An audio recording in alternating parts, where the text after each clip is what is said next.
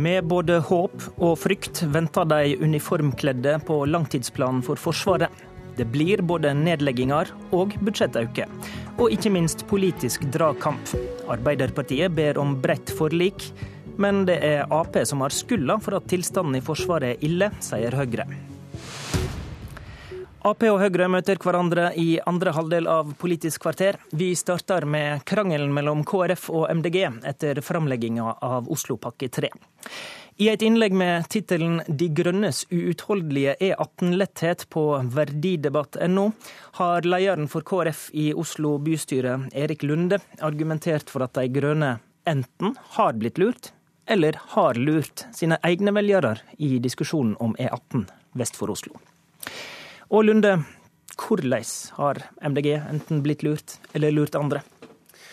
Ja, jeg syns det er ganske pussig å se eh, hvordan MDG har eh, solgt Oslopakke 3 etter at den ble lagt fram i forrige uke. Eh, det er veldig mye bra i den pakka, mye som går i riktig retning, i grønn retning. Eh, men eh, MDG gikk jo til valg på eh, at det ikke skulle bygges en meter mer vei på E18. De sa også til velgerne at det var uaktuelt for de å sitte i et byråd som bygga ut E18. Og nå har de gått med på en avtale som, som innebærer at E18 etter alle solemerker blir bygd fra Oslo til Asker. Det er fair nok. Jeg representerer sjøl et parti som har tradisjon for å inngå kompromisser for å dra ting i riktig retning. Og det er jo i realiteten det MDG også gjør nå. Men jeg syns også vi har et ansvar som miljø- og klimapartier til å være ærlige og fortelle folk hva vi faktisk har gått med på og ikke gått med på. Og jeg syns den framstillingen MDG har hatt, bidrar til å tilsløre at Oslopakke 3 fortsatt er en pakke som betyr at vi skal bruke store samfunns, samfunnsressurser på å bygge vei. De er ikke ærlige?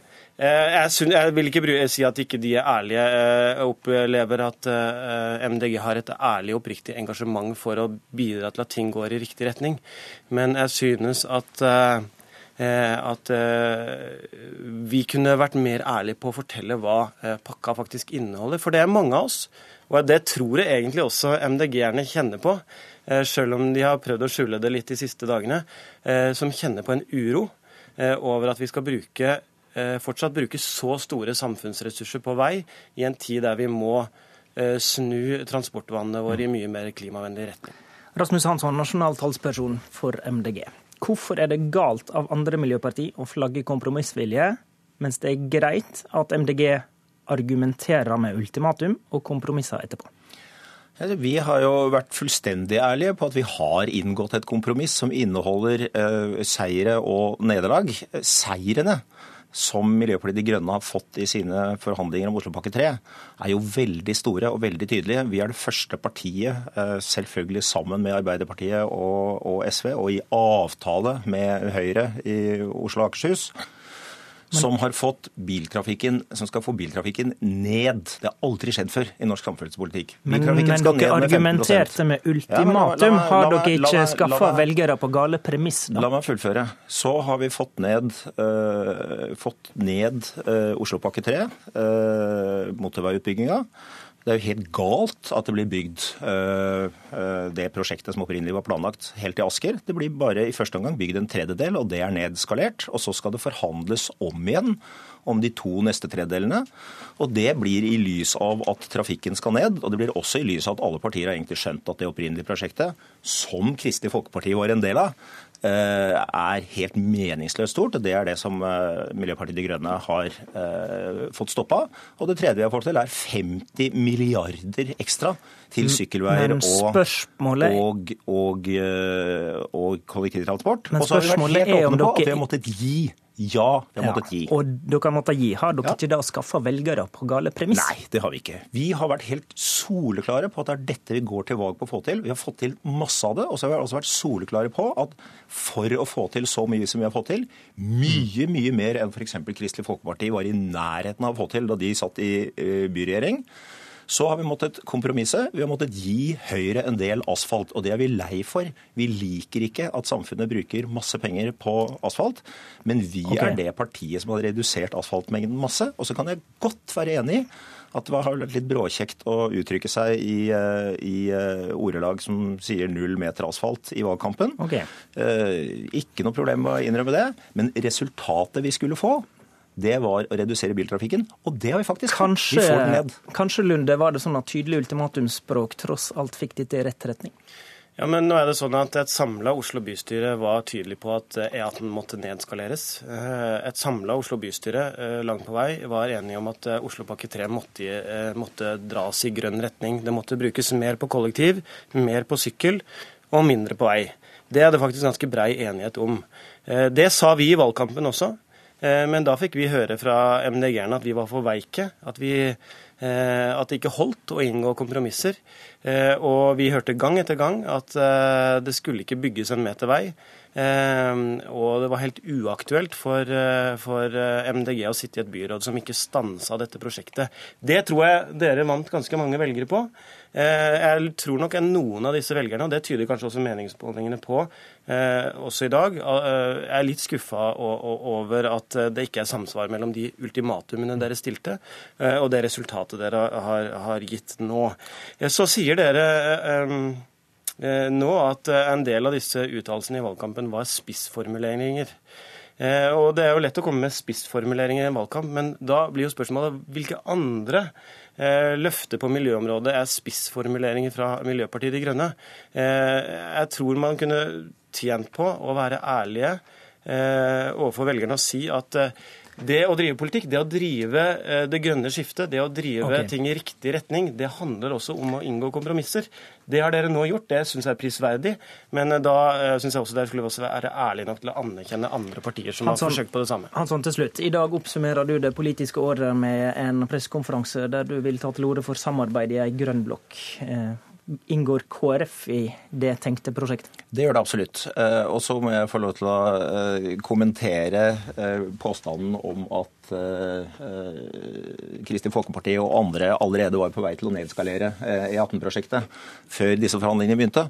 Da er det jo merkelig at vi har måttet slåss med nebb og klør i månedsvis med Høyre eh, og andre for å få nedskalert dette prosjektet. Hvis det er noe i nærheten av sant at eh, Kristelig Folkepartis venner i eh, Oslo og Akershus var så opptatt av å få nedskalert prosjektet. Hele den kjempeforhandlingen vi nå har gått gjennom, har vært en kamp for å få nedskalert prosjektet mot Høyre, Akershus og Kristelig Folkepartis øvrige venner i Oslo-området for å få det nedskalert. Vi fikk ikke noe særlig hjelp men vi fikk det i stor grad til allikevel. Vi er veldig opptatt av samarbeid med partier som sier at de vil drive miljøvern. Utfordringa til Kristelig Folkeparti i Oslo og på Stortinget er gjør det, og så vil vi veldig gjerne samarbeide med dere om det. Takk til Rasmus Hansson og Erik Lunde.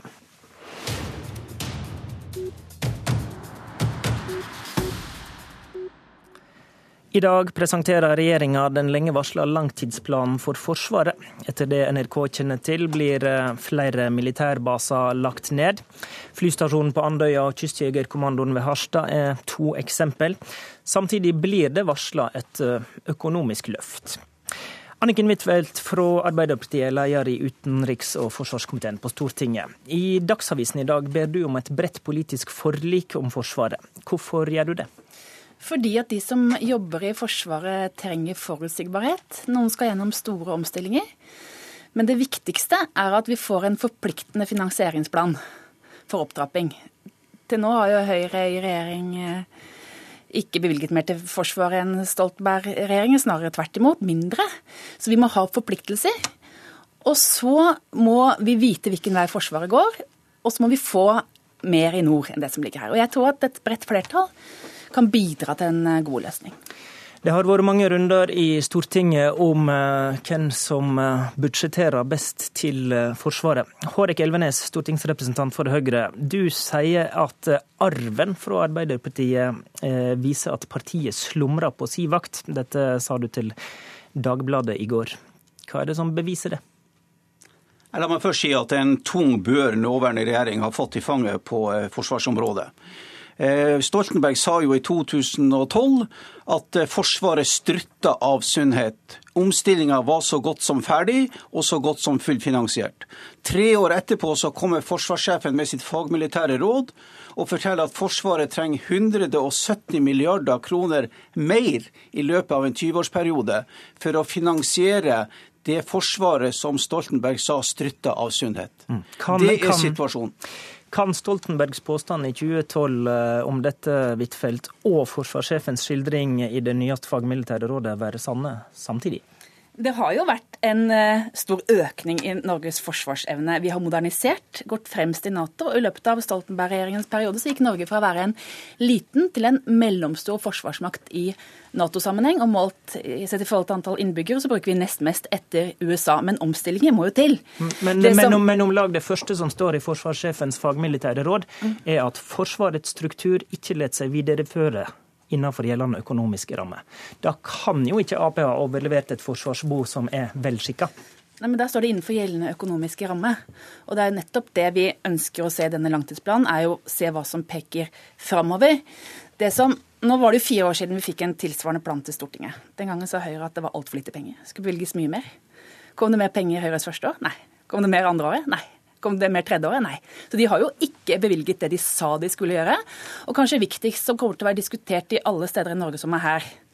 Høyre sa før valget at de skulle ha en massiv økning i landmilitær evne. Og hva skjer nå i denne planen? Det er en avlysning av hele programmet for modernisering av Hæren.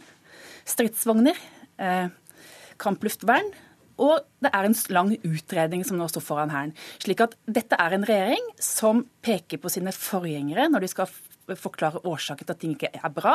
Og så peker de langt framover i tid med tanke på hvem som skal løse problemene. Elvenes, vi er godt uh, ute i deres regjeringsperiode, og da har vel kanskje Høyre like mye skyld i et underfinansiert forsvar? Det Huitfeldt nå gjør, det er å fortsette å tegne et glansbilde av det Forsvaret som forsvarssjefen sier ikke holder mål. Eh, og så opererer hun med tall som faktisk heller ikke er korrekt. Eh, denne regjeringa har økt forsvarsbudsjettet med 9,8% den tidligere gjorde det med, med 1% Men la det prosent være prosent. Det som er viktig nå, det er faktisk å rette opp de skjevhetene som er. Situasjonen i Forsvaret var at det var manglende vedlikehold, det var fritt for reservedeler, investeringen uteblei. Forsvaret kannibaliserte på mange måter seg sjøl. La meg ta et eksempel. Fregattene, f.eks.